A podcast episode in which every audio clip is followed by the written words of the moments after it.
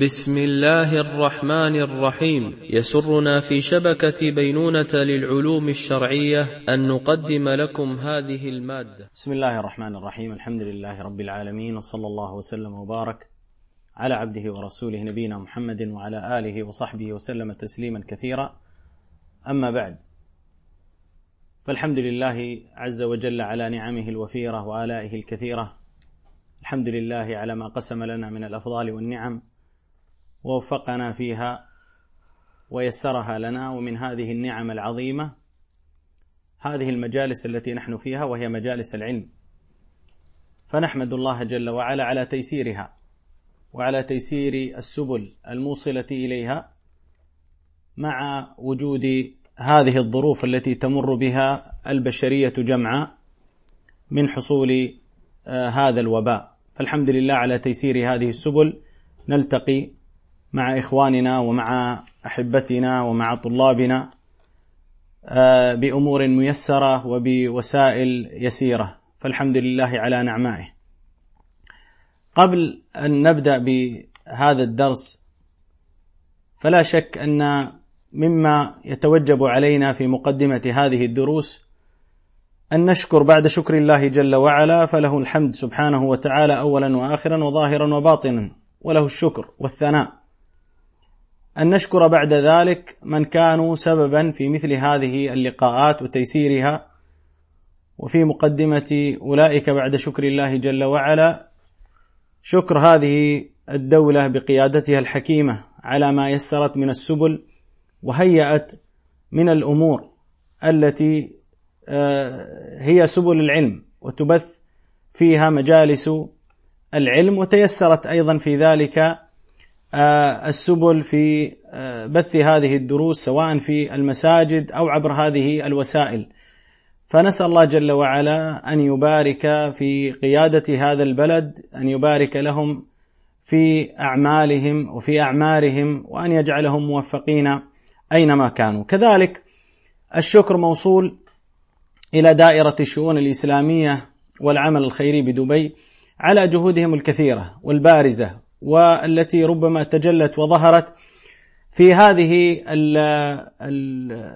الظروف آه، التي جاءت على العالم في حصول هذا الوباء ومع ذلك استمرت الدائرة في نشاطها وجهدها في بث الدروس العلمية والمحاضرات الشرعية والندوات وغير ذلك. ثم الشكر كذلك لمركز رياض الصالحين الإسلامي بدبي ونسال الله جل وعلا أن يوفقنا آه، القيام بما يستحقه من الشكر في آه، إداريه وفي الموظفين فيه وفي القائمين عليه على ما يقومون به من جهود آه، كبيرة وهي مشهودة ومشهورة ومذكورة ولله الحمد والمنة في بث العلم وفي تيسير سبله. ثم الشكر كذلك لكل من حرص وتابع ولكل من نقل ولكل من اجتهد في إنجاح مثل هذه المجالس آه، العلمية. ثم إن من تيسير الله سبحانه وتعالى لطالب العلم أن ييسر له هذه السبل في حصول الفائدة العلمية. فإن العلم منزلته عظيمة ومكانته جليلة. وقد رفع الله جل وعلا ذكره ورفع كذلك منزلة أهله.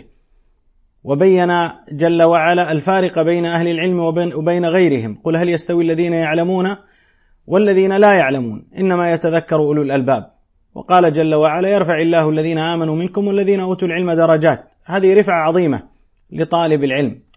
وهو سبيل إلى جنات النعيم.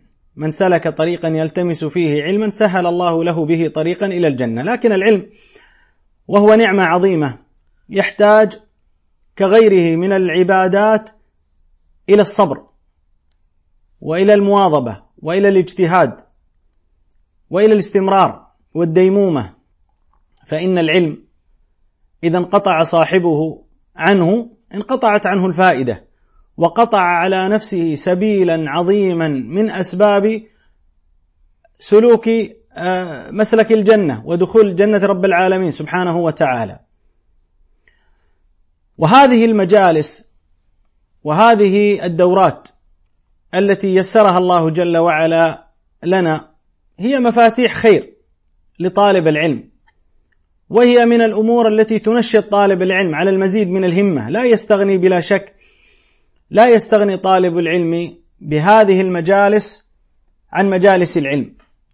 ولا يعد هذا التحصيل تحصيلا وافيا كافيا لطالب العلم بل لا بد أن ينظر وأن يجتهد وأن يصبر على مجالس العلم إلا أن هذه الدورات لها ميزة عن غيرها بقصر المدة وبإتمام بعض المتون في أيام يسيرة فهي كالمنشط لطالب العلم الحريص المجتهد. المنظومة التي بين أيدينا وهي منظومة ابن الوردي أو لامية ابن الوردي منظومة ماتعة ونافعة ومنشطة لطالب العلم ومبينة في الحقيقة لأمور كثيرة قد يغفل عنها الإنسان تضمنت من الموعظة وتضمنت من آداب العلم وتضمنت كذلك من بيان حقيقة الدنيا إلى إلى غير ذلك. قبل البدء بهذه المنظومة يحسن بنا من باب الوفاء لأهل العلم أن نترجم ولو ترجمة يسيرة للناظم فالناظم هو الفقيه. النحوي المؤرخ أبو المظفر حفص زين الدين عمر ابن مظفر ابن عمر المعري نسبة إلى معرة النعمان بالشام وهو المشهور بابن الوردي كانت وفاته سنة تسع وثمانين وستمائة للهجرة. ويكفي يعني أن نعلم أنه ممن تخرج من مدرسة شيخ الإسلام ابن تيمية رحمه الله وأخذ من علومه ومن مسائله له قصائد طبعا كثيرة مشهورة منها هذه اللامية البديعة في نظمها. حتى قال فيه من ترجم له آه، كالسبك قال وشعره أحلى من السكر وأغلى قيمة من الجوهر وقال فيه ابن العماد في شذرات الذهب كان ملازما للأشغال والاشتغال بالتصنيف وكان دينا خيرا حسن الأخلاق متواضعا. ويقول الذهبي رحمه الله في ترجمته قال عالم ذكي خير متواضع بصير بالفقه والعربية وتخرج بابن تيمية. وذكر أيضا هذه المسألة وهو ملازمة لابن تيمية ابن العماد حيث قال لازم الشيخ تقي الدين وغيره. المنظومات التي نظمها كثيرة في أبواب العلم وفي غيره منها البهجة الوردية وهي في خمسة آلاف بيت وثلاثة وستين بيتا. نظم الحاوي الصغير وعنده الملقبات الوردية وهي نظم في الفرائض وعنده تحرير الخصاصة في تيسير الخلاصة. نثر فيه ألفية ابن مالك وله ألفية في تعبير الرؤى. تولى القضاء ثم ترك القضاء لرؤية رآها وتورعا وتحرزا في ذلك. هذه اللامية من أفضل المنظومات. المعنية بالآداب مع سهولة في العبارة كما سيظهر معنا وسهولة في النظم وإتقان في الترتيب وهي من بحر الرمل وهو أحد آه، أبحر العروض أو بحور العروض وقد أثبت العلماء آه، نسبتها إلى ابن الوردي وكثر في ذلك آه، كثرت في ذلك شروحهم واعتنى العلماء بشرحها وبفك عباراتها وبالتعليق عليها. لن نطيل كثيرا في المقدمة المتعلقة بمنظومة أو بالتعريف بالمنظومة أو التعريف بصاحب المنظومة. ونبدأ إن شاء الله في قراءة هذه المنظومة. تفضل تفضل شيخ سلطان. تفضل. بسم الله والحمد لله الصلاة والسلام على رسول الله وعلى آله وصحبه أجمعين. اللهم اغفر لنا ولشيخنا وللسامعين. قال الناظم رحمه الله تعالى اعتزل ذكر الأغاني والغزل وقل الفصل وجان من هزل ودع الذكر لأيام الصبا فلأيام الصبا نجم أفل. إن أهن عيشة قضيتها ذهبت لذاتها والإثم حل واترك الغادة لا تحفل بها. تمسي في عز وترفع وتجل والها عن آلة لهو أطربت وعن الأمرد مرتجى الكفل إن تبد تنكسف شمس الضحى وإذا ما سيزري بالأسل. زاد إن قسناه بالبدر سنا أو عدلناه بغصن فاعتدل. نعم. ابتدأ الناظم رحمه الله هذه المنظومة بتنبيه وتحذير. فقال اعتزل ذكر الأغاني والغزل. وقل الفصل وجانب من هزل. أمر باعتزال الأغاني. لم يقل اترك قال اعتزل وفيه اجتناب. والاجتناب والاعتزال أعظم في الدلالة على ترك الشيء. فقال اعتزل ذكر الأغاني والغزل. الأغاني آه، معروفة وهي الكلام بصوت حسن ويرتبط كثيرا بالآلات. فيقول اعتزل ذكر الأغاني والغزل. والغزل كما هو معلوم هو المحادثة بعبارات الحب أو الوصف لمفاتن النساء. وموضوعه كما يقال الحب والهيام. وهنا الناظم رحمه الله ناصح لغيره. فيقول اترك هذه الأمور. هذه المسائل التي لا يتعلق بها إلا ضعاف الهمم. انطلق إلى أمر أعظم. فقال وقل الفصل وجانب من هزل. بعد أن حذر من الأغاني ومن الغزل وهو التغني بمفاتن النساء أو ذكر عبارات الحب ووصف الخدود ونحو ذلك ونهى عن نهى القارئ عن الأغاني لأن الأغاني كما جاء عن السلف أنها تنبت النفاق كما جاء عن الإمام أحمد أن الغناء ينبت النفاق في القلب. وقال ابن عباس صوت الشيطان الغناء والمزامير واللهو. ومن أعظم مفاسد الغناء أنه يصرف صاحبه عن القرآن. وهذا بحد ذاته بلاء. الغناء يصرف صاحبه لا لا يمكن أن تجد إنسان مغرم بالأغاني وبالمعازف وقلبه معلق بالقرآن. كما قال الناظم وابن القيم قال حب الكتاب وحب ألحان الغنى في قلب عبد ليس يجتمعان. القلوب المتعلقة بالأغاني وبعبارات الحب والهيام ونحو ذلك لا يمكن ابدا أن تكون متعلقة بكتاب الله جل وعلا. ولذلك قال أهل العلم الغزل الأغاني ينبت النفاق والغزل بريد والعياذ بالله للفاحشة كما قال القائل والغواني يغرهن الثناء نظرة فسلام فكلام فموعد فلقاء. إذا ما الذي ينبغي على الإنسان؟ يقول الناظم وقل الفصل. ما هو الفصل؟ الكلام النافع.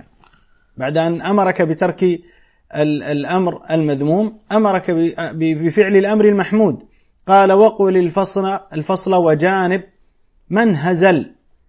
أهل الضحك والهزل واللعب الذي حاله دائما في هذه الحال اتركهم. ثم قال ودع الذكر لأيام الصبا.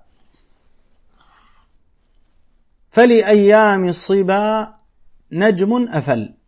دع الذكر لأيام الصبا أي اترك التذكر للأمور السالفة التي مضت. ما مضى من حياة الإنسان. إما أن يكون ذنبا واقعه فعليه أن يتوب ويستغفر. وإما أن يكون حسنة فعلها فيسأل الله جل وعلا أن يقبلها منه. ولا يفكر في أمور لا تعود عليه إلا بالخيبة أو بضعف الإيمان. ودع الذكر لأيام الصبا شيء مضى. لا ينبغي أن تلتفت إليه ولا أن تعود إليه ولا أن تفكر فيه. لماذا؟ التفكر في الأمور السابقة قد يكون مفتاح شر للعبد. إذا بقى أو بقي في نفسه أنه ينظر في الهواجس التي تطرأ عليه أو ما يطرأ على خاطره أو فكره من الأمور التي اقترفها فإنها ربما تشوقه إليها مرة أخرى. فكان السبيل إلى إلى ذلك أن يقطع التفكير فيها. قال ودع الذكر لأيام الصبا فلأيام الصبا نجم نجم أفل فلأيام الصبا نجم أفل معنى ذلك أن ما مضى قد أفل أي غاب. هذا النجم نجم الماضي غايب. ولذلك الإنسان أو أيام الإنسان هي ثلاثة أيام كما هو معلوم. ما مضى فات. والمؤمل غيب. ولك الساعة التي أنت فيها. لا يفكر الإنسان في أمر في الماضي لأن الماضي قد ذهب. لا يعود. الساعة التي أنت فيها أنت ابنها. أنت ابن اليوم. وما سيأتي من المستقبل فربما لا تدركه. ربما ينام الإنسان في الليل ولا يستيقظ. ربما يخرج من بيته ولا يرجع. ربما يذهب إلى عمله ولا يرجع إلى بيته. هذا حال الإنسان. فهو لا يدري مستقبل أيامه. لكنه في حاله الحاضر ينبغي أن يعيش هذه الحال بما أمره الله جل وعلا به أو بما أباحه الله تبارك وتعالى له أو فيه. قال فلأيام الصبا نجم أفل. ثم قال إن أهن عيشة قضيتها أو إن أهن عيشة قضيتها إذا كان يعني يتحدث عن نفسه. قال ذهبت لذاتها والإثم حل. ما كنت تظن أنه في الماضي هو سعادة وراحة وإن كان في معصية. ذهبت اللذة. لكن ما الذي بقي؟ قال ذهبت لذاتها والإثم حل. ولذلك الإنسان إذا نظر إلى الماضي ما الذي ما الواجب عليه؟ الواجب عليه الاستغفار. إن أخطأ في أمر يستغفر ويتوب إلى الله جل وعلا. وهذا ديدن النبي عليه الصلاة والسلام الذي كان يستغفر يستغفر الله ويتوب إليه أكثر من سبعين مرة وفي رواية أخرى مئة مرة. إذا يقول إن أهن عيشة قضيتها ذهبت لذاتها والإثم الإثم حل. الإثم باقي إن لم يغفره الله جل وعلا. ولذلك الواجب على الإنسان أن يكون دائم الاستغفار لله سبحانه وتعالى. ما منا إلا وأذنب. ويحصل عنده من الضعف ويحصل عنده من التجاوز. لكن يستغفر ربه تبارك وتعالى. والله جل وعلا يحب التوابين. والتواب هو كثير التوبة.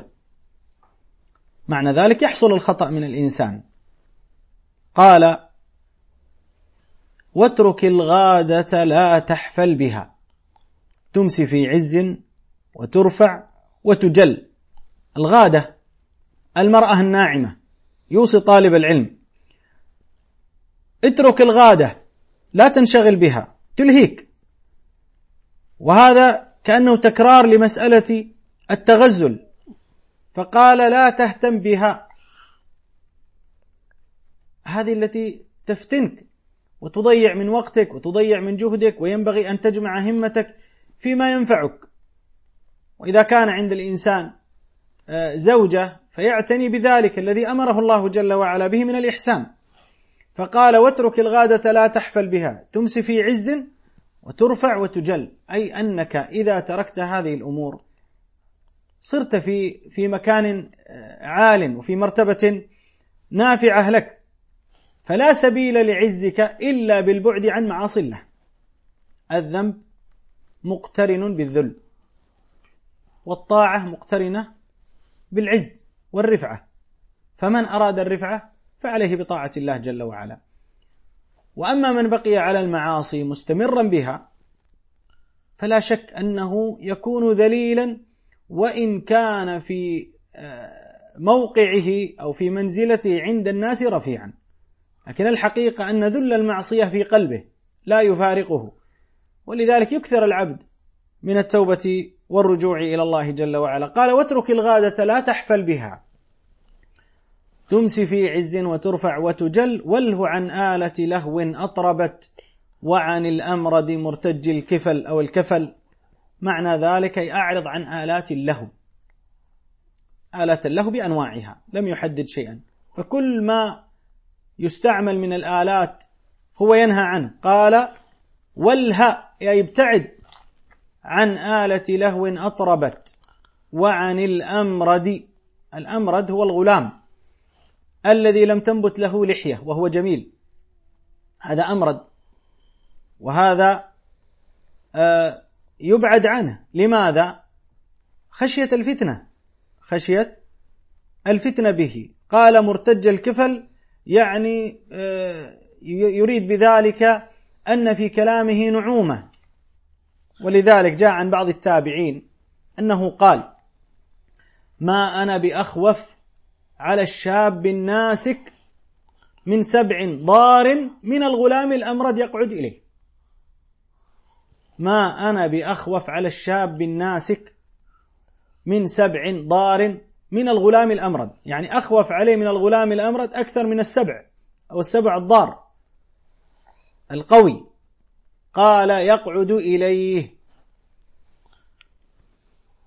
فلا ينبغي للإنسان أن يجالس الأمرد وما قد يؤدي إلى الفتنة به. ولذلك النظر إلى الأمرد على ثلاثة أقسام. ما يقرن به شهوة وهذا محرم بالاتفاق. هذا محرم بالاتفاق. إذا كان النظر لشهوة.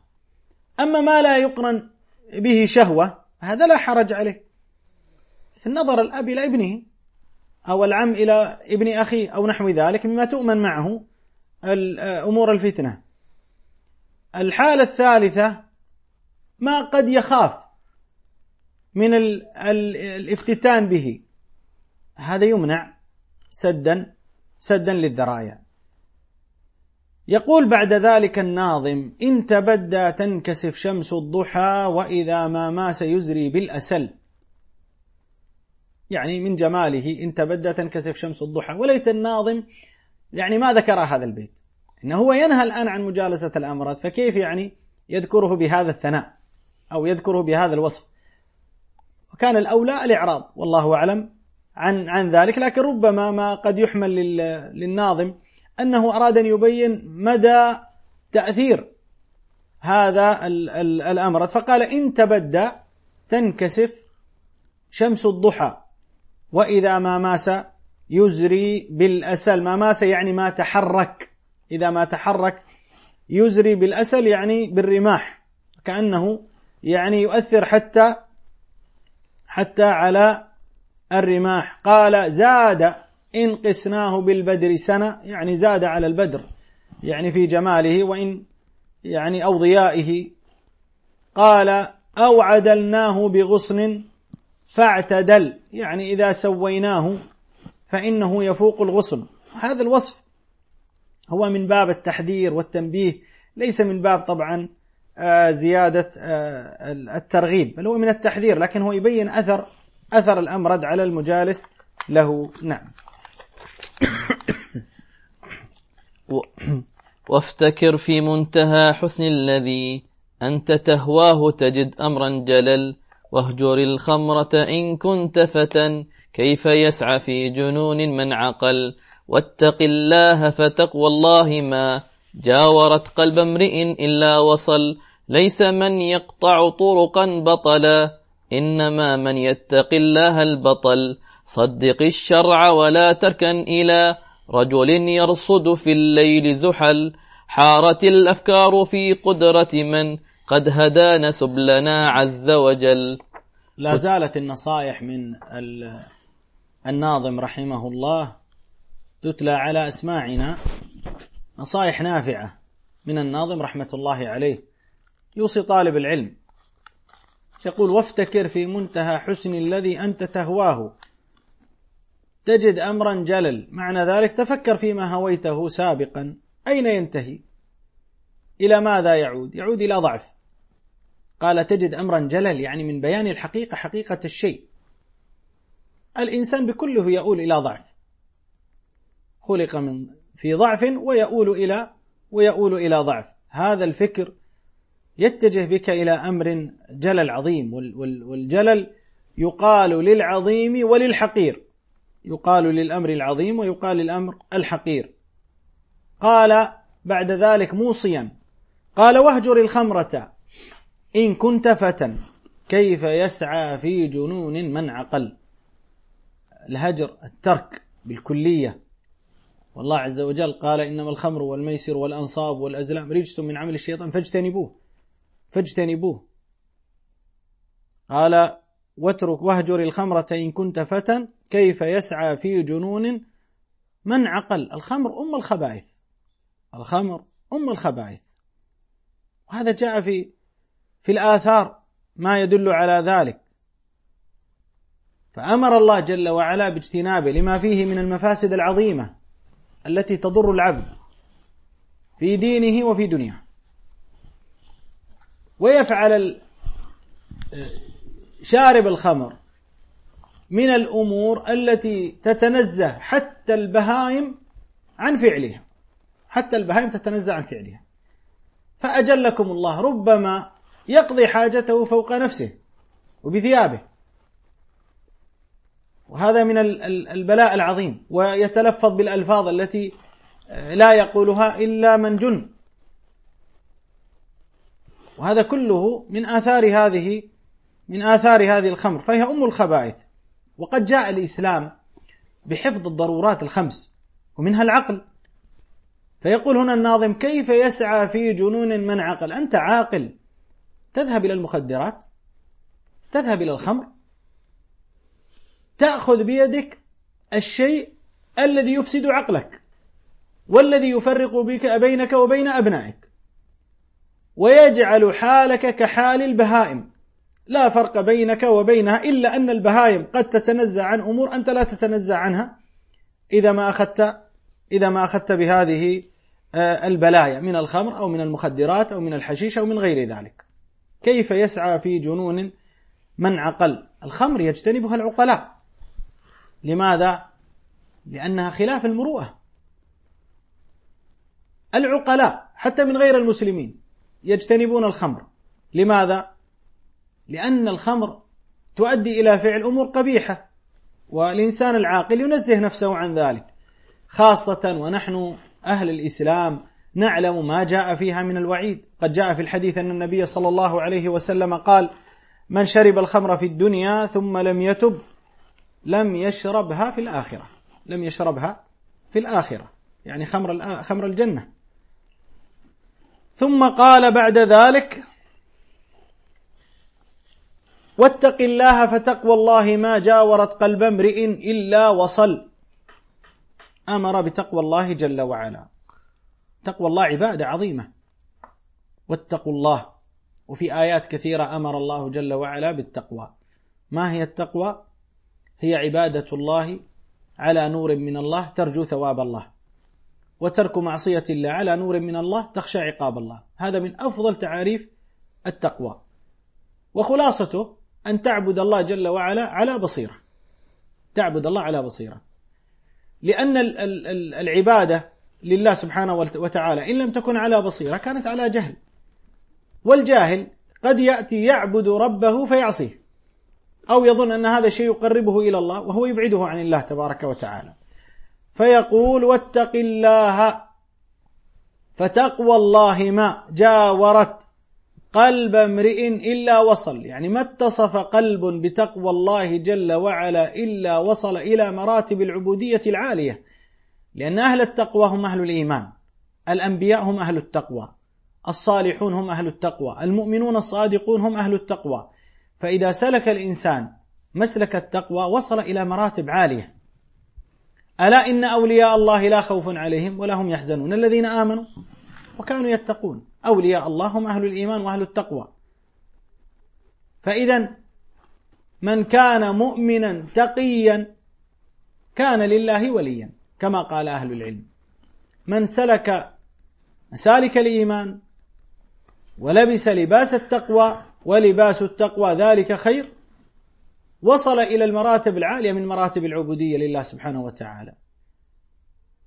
وينزل الإنسان عن هذه المراتب بقدر نزوله عن هذه العبادة وهي عبادة التقوى لله جل وعلا. فنسأل الله جل وعلا أن يرزقنا التقوى ظاهرا وباطنا. قال إنما من يتق الله البطل. البطل الشجاع صاحب الهمة العالية هو صاحب التقوى. ولذلك النبي عليه الصلاة والسلام قال المؤمن القوي خير وأحب إلى الله من المؤمن الضعيف. المؤمن القوي في إيمانه في هذا في الأصل أن يكون قويا في إيمانه متقيا لربه جل وعلا. ثم قال بعد ذلك بعد أن أوصى بتقوى الله جل وعلا قال آه، نعم قال ليس من يقطع طرقا بطلا إنما من يتقي الله البطل صدق الشرع ولا تركن إلى رجل يرصد في الليل زحل. صدق الشرع يعني ما جاء به الشرع. الله جل وعلا قال ومن أحسن من الله قيلا ومن أحسن من الله حديثا. أو من أصدق من الله قيلا ومن أصدق من الله حديثا.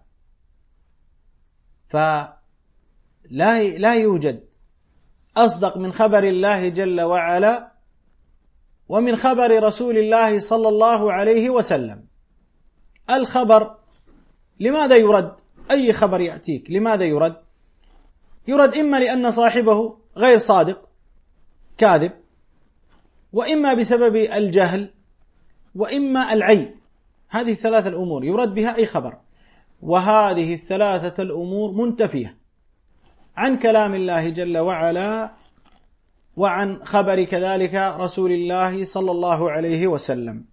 فيقول صدق الشرع ولا تركن إلى رجل يرصد في الليل زحل. زحل أحد الكواكب السبعة. كواكب السبعة نظمها الناظم بقوله زحل شرى من ريخه من شمسه فتزاهرت لعطارد الأقمار. هذه الكواكب السبعة أحدها زحل. فيقول اترك من ينظر إلى السماء. ويريد بذلك التنفير ممن يسلك مسالك علم النجوم فهذا أمر جاء التحذير التحذير منه. من اقتبس شعبة من النجوم فقد اقتبس شعبة من السحر زاد ما زاد كما في الحديث. فهؤلاء الذين يربطون الأمور لأن النجوم هذه لماذا خلقها الله جل وعلا؟ خلقها لثلاثة أمور لا غير. خلقها الله جل وعلا زينة للسماء خلقها الله جل وعلا رجوما للشياطين خلقها الله جل وعلا علامات وعلامات وبالنجم هم يهتدون. إذا الذي يستعمل ما يسمى بعلم التنجيم في ربط الحوادث ال ال ال الأرضية بهذه النجوم فهذا أمر لا يجوز في شريعتنا. فيقول اترك هذه المسائل من الخرافات أو من الخزعبلات أو من ال ال ال النظر في الكواكب والنظر في النجوم ونحو ذلك وخذ بالشرع. الشرع الواضح. الله جل وعلا أنزل كتابه هداية للناس. وسنة نبي الله صلى الله عليه وسلم وهي وحي. وما ينطق عن الهوى إن هو إلا وحي يوحى هي كذلك هداية للناس. فيقول صدق الشرع ولا تركن إلى رجل يرصد في الليل أو يرصد في الليل زحل. قال حارت الأفكار في قدرة من؟ قد هدانا سبلنا عز وجل. سبحان الله الحيرة ما هي الحيرة؟ الحيرة. توقف العقل عن الاستنباط وعن التفكير وعن الإدراك. يحتار. فيقول حارت الأفكار في قدرة من؟ قد هدانا سبلنا عز وجل. يعني اندهشت الأفكار. في خلق الله جل وعلا وما وما أوجده في هذا الكون. آيات عظيمة. سواء في ذلك الآيات الآفاقية أو الآيات النفسية. سنريهم آياتنا في الآفاق وفي أنفسهم. وقال جل وعلا وفي أنفسكم أفلا تبصرون. آيات عظيمة. لو نظر الإنسان إلى هذه الجبال وإلى الأشجار وإلى الأنهار وإلى السماء وإلى الأرض وإلى الدواب آيات عظيمة. وصنع دقيق. سبحان من أوجده. وهو الخلاق العليم تبارك وتعالى. وإذا نظر إلى نفسه في سمعه وفي بصره وفي هيئته وفي توازن الأعضاء في جسده وكيف أن الله تبارك وتعالى خلقه في أحسن تقويم. وهذه آية عظيمة. يندهش منها العقل. هذه الخلايا الدقيقة التي تجري في هذه الأوردة الصغيرة والتي تنتقل من عضو إلى آخر. وتركيب بديع في جسم الإنسان. والله يتعجب الإنسان من هذا الخلق العظيم. فانظر في هذه الأمور التي تزيدك إيمانا. يقول حارت الأفكار في قدرة من؟ قد هدانا سبلنا عز وجل. هدانا سبلنا بين لنا الطريق. ولذلك نحن ندعوه في كل صلاة. اهدنا الصراط المستقيم. لأن هداية التوفيق هي بيد الله سبحانه وتعالى وهي التي تنجي من عذاب النار. ولا يملكها أحد إلا الله جل وعلا. إن قدر الله جل وعلا عليك وكتب لك الهداية فلن يضلك الخلق ولو اجتمعوا كلهم. وإن لم يقدر لك هذه الهداية فلو اجتمع الخلق على أن يهدوك ما هدوك هداية التوفيق؟ لأنها مختصة بالله سبحانه وتعالى.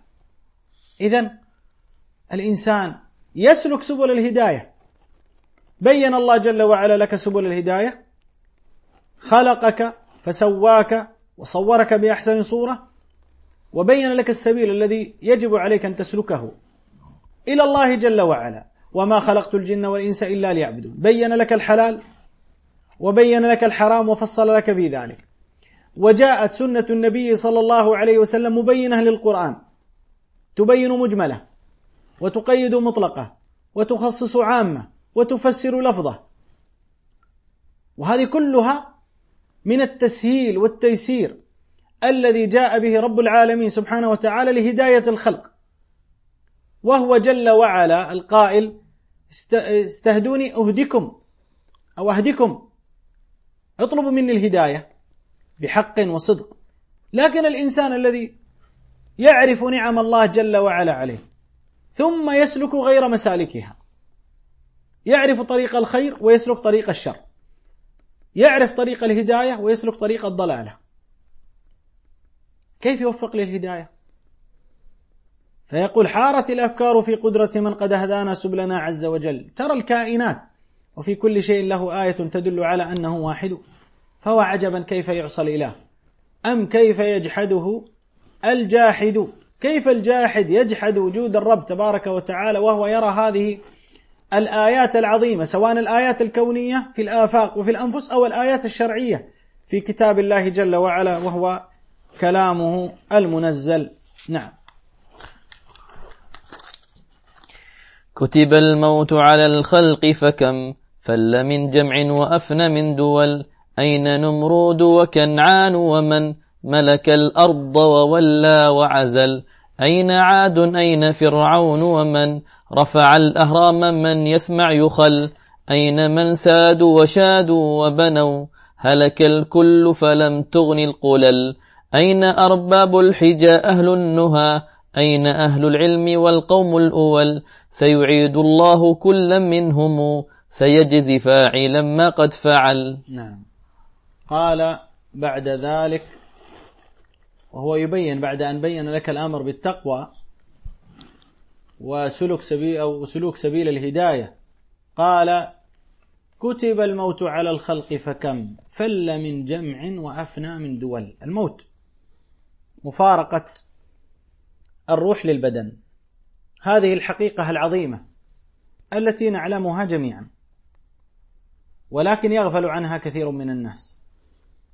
ولا يستعد لها إلا أهل التقوى. الله جل وعلا بين لنا هذه الحقيقة. قال كل نفس ذائقة الموت. وقال إنك ميت وإنهم ميتون. هذا الموت ينبغي على الإنسان أن يتذكره. لماذا؟ أنه الإنسان إذا تذكر الموت عالج في قلبه محبة الدنيا. وإذا تذكر الموت خفف من الأوزار. وإذا تذكر الموت انقطع إلى طاعة الله جل وعلا وانقطع عن معصية الله سبحانه وتعالى. وإذا تذكر الموت فإنه ينظر في أمر المظالم. لا يظلم عبدا لأنه يعلم أن هناك يوم يلاقي فيه هذه المظلمة ويأخذ منه من ظلمه من حسناته. قال كتب الموت على الخلق فكم؟ فل من جمع يعني هزم من جمع وأفنى من دول. كان محمد بن سيرين وهو التابعي الجليل رحمه الله إذا ذكر الموت قال مات كل عضو منه على حدة. إذا ذكر الموت مات كل عضو منه على حدة. من شدة خوفهم من الموت. قال فل من جمع وأفنى من دول. قال بعد ذلك أين نمرود وكنعان ومن ملك الأرض وولى وعزل؟ نمرود هو الذي حاج إبراهيم عليه الصلاة والسلام. هو الذي حاج إبراهيم في ربه أن آتاه الله الملك وهو ابن كنعان ونسبه إلى سام بن نوح. وكنعان هذا الذي ذكر بعده أين نمرود وكنعان هو والد هو والد النمرود. فيقول الناظم وهو يسأل وكأنه يوقظ العقول. أن تتفكر وتتدبر. أين نمرود؟ أين ذهب؟ وكنعان ومن؟ ملك الأرض وولى وعزل. أين كانوا؟ هؤلاء الملوك الذين ملكوا الأرض من قبل الإسلام. قال أين عاد؟ عاد وهو ابن عوص ابن إيرم ابن سام ابن نوح. يقول أين هو؟ هؤلاء عاد أرسل إليهم هود عليه الصلاة والسلام. قال أين فرعون؟ وفرعون لقب لكل من من ملك مصر. قال أين عاد؟ أين فرعون؟ ومن رفع الأهرام؟ الأهرام المعروفة في في مصر في الجيزة. قال من يسمع يخل. الذي ينظر إلى هذه الأحداث السابقة يتعجب من أحوال الناس الذين فنوا وكانوا يملكون دولا. وكان عندهم من القوة وعندهم بسطة في في المال وبسطة في الجسم. قال أين من سادوا من السيادة؟ وشادوا وبنوا. هلك الكل فلم تغن القلل. شادوا من التشييد بنوا. وهو رفع البناء. قال أين من سادوا وشادوا وبنوا؟ هلك الكل فلم تغني القلل لم تغني الأموال لم تغني الحصون. لم تغني القصور. القلل هي الحصون أو القصور. فلم تغني عنهم هذه القصور ولم تغني عنهم هذه الحصون ولم تغني الأموال التي كانت معهم. كلها ذهبت. فيقول أين أرباب بعد أن ذكر الظلم ومن عارض الأنبياء بعد ذلك جاء وقال أين أرباب الحجاء؟ أي أصحاب العقول. أين أرباب الحجاء؟ أهل النهى. أين أهل العلم والقوم الأول؟ النهى العقول كذلك. فيقول أين أرباب الحجاء أهل النهى الفطناء العقلاء الحكماء أين هم؟ المعنى كلهم ماتوا. ماذا تركوا؟ قال أين أين أهل العلم والقوم الأول؟ هؤلاء كلهم ذهب. لكن السابقون الذي جاء ذكرهم تركوا من الآثام وتركوا من الأعمال السيئة. وأهل العلم تركوا من الحسنات. الآن نحن نذكر السلف. نذكر الصحابة رضي الله عنهم وأرضاهم ونترضى عنهم. كم يترضى المسلمون عن الصحابة في اليوم؟ كم يذكر أبو بكر؟ كم يذكر عمر؟ كم يذكر علي؟ وكم يذكر طلحة؟ وكم يذكر عثمان؟ وكم يذكر الزبير؟ ونحو ذلك من الصحابة. وكم يترضى عنهم؟ وكم يذكر محمد بن سيرين؟ والحسن البصري وثابت البناني. ونذكر سفيان الثوري ونذكر سفيان ابن عيينة وحماد بن زيد وحماد بن سلمة.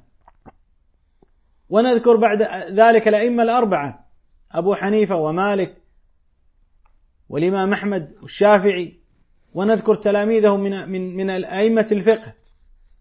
ونذكر إلى عصرنا هذا العلماء الذين رحلوا وتركوا الآثار الحسنة. ونترحم عليهم.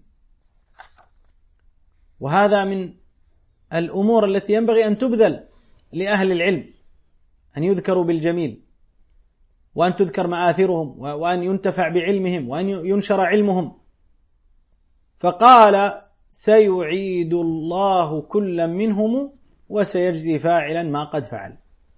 قال الله جل وعلا ثم إلى ربكم ترجعون. وقال جل وعلا ثم ينبئكم بما كنتم تعملون. وفي الحديث لن تزول قدم عبد يوم القيامة حتى يسأل. قال وفيه عن عمره فيما أفناه. إذا هذه الأمور سيسأل عنها العبد. لكن صاحب الخير والصلاح تبقى آثاره وتشهد له الأرض بما عمل عليها. وصاحب السيئات أيضا تشهد عليه أعماله السيئة. بما عمل فيها. نسأل الله جل وعلا أن يتجاوز عنا وعنكم جميعا. نعم. أي بني يسمع وصايا جمعت حكما خصت البخ حكما خصت بها خير الملل. اطلب العلم ولا تكسل فما أبعد الخير على أهل الكسل. وهجر النوم وحصله فمن يعرف المطلوب يحقر ما بذل. واحتفل للفقه في الدين ولا تشتغل عنه بمال وخول. لا تقل قد ذهبت أربابه كل من سار على الدرب وصل. في ازدياد العلم إرغام العدا وجمال العلم إصلاح العمل. نعم. بعد ذلك نادى طالب العلم بقوله أي بني. فيه ترفق من الناظم رحمه الله. قال أي بني. وفيه بيان محاسن الدين. فإنه قال أي بني اسمع وصايا جمعت يعني من محاسن الدين أن هذا الدين فيه نصيحة فهو يوصيه. والوصية النصيحة بحرص. فقال أي بني اسمع وصايا جمعت حكما خصت بها خير الملل. وخير الملل هي ملة الإسلام وهي خاتمة الأديان. ما هذه الحكم؟ أول ما نصح بالأمر قال اطلب العلم. ولا تكسل فما أبعد الخير على أهل الكسل. اطلب العلم. العلم منزلة رفيعة. ولذلك من وفقه الله جل وعلا إلى العلم فقد وفقه إلى عبادة عظيمة تفوق عبادة النوافل. هذه منزلة عظيمة. كثير من النوافل العلم أفضل منها. ونية العلم أن يرفع الإنسان الجهل عن نفسه. أن يتعبد لله تبارك وتعالى بذلك. وربط بين طلب العلم وترك الكسل لأن الكسل من معوقات طلب العلم. الكسلان يذهب عنه من الخير الشيء الكثير. حسنات تذهب عنه. ينام عن الصلاة تذهب عنه هذه الأجور. ويتكاسل عن طلب العلم. وربما إذا سئل عن شيء قال أنا مشغول. لا أجد وقتا وهو في الحقيقة مشغول بلا شغل وجالس بلا عمل وهذا لا يليق بالمؤمن. والنبي عليه الصلاة والسلام يقول من همان لا يشبعان طالب علم وطالب دنيا طالب العلم نهم. لا يعرف الفائدة وهي مسألة متوازنة. كلما أعطيت للعلم من وقتك ومن جهدك كلما حصلت على الفائدة وكلما تكاسلت كلما انحرمت من العلم وانحرمت من الفائدة فالناس ينطلقون ويذهبون ويزدادون علما ويزدادون فهما ويعرفون دلالات الآيات وما تدل عليه ويعرفون شروح الأحاديث ويعرفون كلام العلماء في المسائل ويتعبدون لله جل وعلا ببصيرة. وأنت تبقى في مكانك عاقك عن الوصول إلى مراتب السابقين الكسل. ولذلك النبي صلى الله عليه وسلم. كان يستعيذ بالله من الكسل.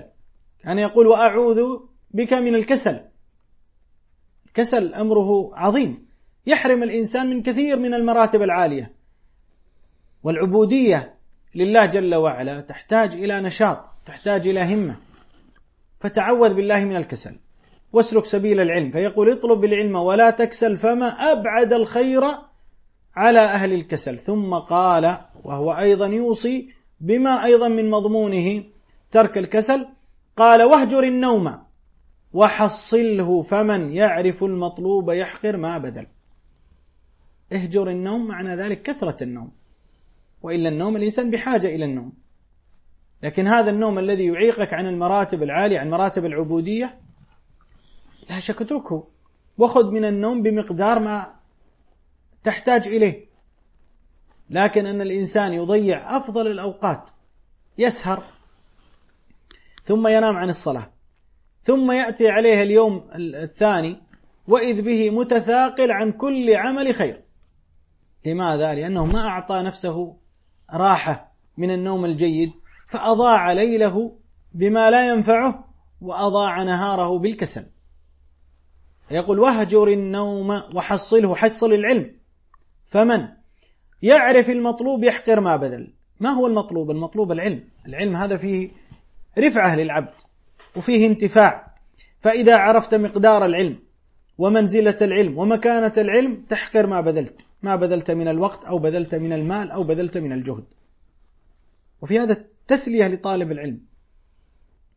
أن مهما بذلت من الجهد ومهما بذلت من المال. أو مهما بذلت من الأوقات مقابل العلم فإن هذا الجهد لا يذهب. بل أنت تفرح وأنت تقوم بهذا الجهد وتبذل هذا المال أنت تفرح بما تحصل من هذه المنزلة العالية. قال واحتفل للفقه في الدين ولا تشتغل عنه بمال وخول. جاء عن يحيى بن أبي كثير رحمه الله. أنه قال لا ينال العلم براحة الجسد. لا يمكن للإنسان أن يجمع بين أمرين بين انشغال بدنيا وانكباب عليها وبين تحصيل العلم. ولا بين الكسل وبين تحصيل العلم. لا بد أن يكون عنده نوع توازن فيما يتعلق بشغله في الدنيا وأن يجعل من الأوقات كذلك لتنمية هذه الروح ولزيادة الإيمان. وللتفقه في دين الله جل وعلا. والبعض يقول إن شاء الله بعد أن أنتهي من كذا سأبدأ في طلب العلم. وتمر عليه الأيام ويمر عليه الشهر والشهران والثلاثة والسنة والسنتان والثلاث والأربع والخمس. وهو بعد لم يتفرغ. كما قيل إذا كان يؤذيك حر المصيف وكرب الخريف وبرد الشتاء ويلهيك حسن زمان الربيع فأخذك للعلم. قل لي متى؟ متى تطلب العلم؟ والإنسان لا لا ينتهي شغله. البعض يقول أنا مشغول. والله ينتهي الشغل بالموت. لا يوجد فترة من الفترات يقول الإنسان سأتوقف سينتهي شغلي إلى يوم كذا. لا. الإنسان مشغول. والإنسان في هذه الدنيا حارث وهمام كما قال أهل العلم. يحرث في هذه الدنيا ويهم الشيء. فلا يمكن أن أن أن يتفرغ إلا أن يفرغ نفسه. والشيطان يشغل الإنسان عن الطاعات ويقربه إلى المشاغل ويعظم عليك المسائل التي تشغلك عن طاعة الله جل وعلا. فقال واحتفل للفقه في الدين ولا تشتغل عنه بمال وخول وخول. أي الخول هو النعم والعبيد ونحو ذلك. أي لا تنشغل عن العلم بهذه المسائل. قال لا تقل قد ذهبت أربابه كل من سار على الدرب وصل. وهذه من الحكم التي أخذت وتقال كالأمثال. يقول لا تقل قد ذهبت أربابه لا تقل والله العلم قد ذهب والعلماء أصحاب الهمم العالية ذهبوا. الإنسان يقتدي فتشبهوا إن لم تكونوا مثلهم إن التشبه بالكرام فلاح. نحن نتشبه بهذا. نعم القصور أمر وارد عن السلف. ولكن ينبغي على الإنسان أن يشحذ همته وأن يقتدي بالأوائل من العلماء الذين رحلوا وتعبوا وسهروا وحصلوا العلم وكتبوا الحديث واجتهدوا حتى وصلت إلينا هذه الكنوز التي بين أيدينا. فينبغي للإنسان أن لا يثبط نفسه بل ينظر في سير العلماء ومما يعين على طلب العلم أربعة أمور. الأمر الأول النظر في فضل العلم في كلام الله جل وعلا وفي سنة النبي صلى الله عليه وسلم. الأمر الثاني النظر في سيرة السلف ولا سيما عهد الصحابة رضي الله عنهم وأرضاهم ومن جاء بعدهم من أهل العلم من التابعين وأتباع التابعين إلى زماننا هذا. الأمر الثالث المفاضلة والمفارقة بين أهل العلم وبين أهل الجهل. من يعلم مسألة أفضل ممن يجهل هذه المسألة ومن يعرف هذا الحكم أفضل ممن لا يعرف هذا الحكم. فالعلم فيه منزلة عالية. ثم الأمر الرابع أن يعلم أن الرفعة في الدنيا أو في الآخرة هي في طلب العلم. يرفع الله الذين يرفع الله الذين آمنوا منكم والذين أوتوا العلم درجات. فيقول كل من سار على الدرب وصل. أنت عندما تطلب العلم ماذا تريد؟ تريد الوصول إلى الجنة؟ إذا أنت في عبادة وإن مت على هذا الأمر. ثم قال في ازدياد العلم إرغام العدا وجمال العلم إصلاح العمل. يعني في ازداد الإنسان من العلم فلا شك أن هذا في إرغام للأعداء. وجمال العلم إصلاح العمل يعني آه، يتبين أهمية العلم أو تمسك الإنسان بالعلم وحرصه عليه في عمله فإن العلم آه، أو فإن العمل بالعلم أمر ملازم ملازم لطلب العلم. نعم نقف على هذا إن شاء الله ونكمل في اللقاء القادم. أسأل الله جل وعلا للجميع التوفيق والسداد والهدى والرشاد وصلى الله على نبينا محمد وعلى آله وصحبه وسلم تسليما كثيرا والحمد لله رب العالمين. للاستماع إلى الدروس المباشرة والمسجلة والمزيد من الصوتيات يرجى زيارة شبكة بينونة للعلوم الشرعية على الرابط بينونة دوت نت وجزاكم الله خيرا.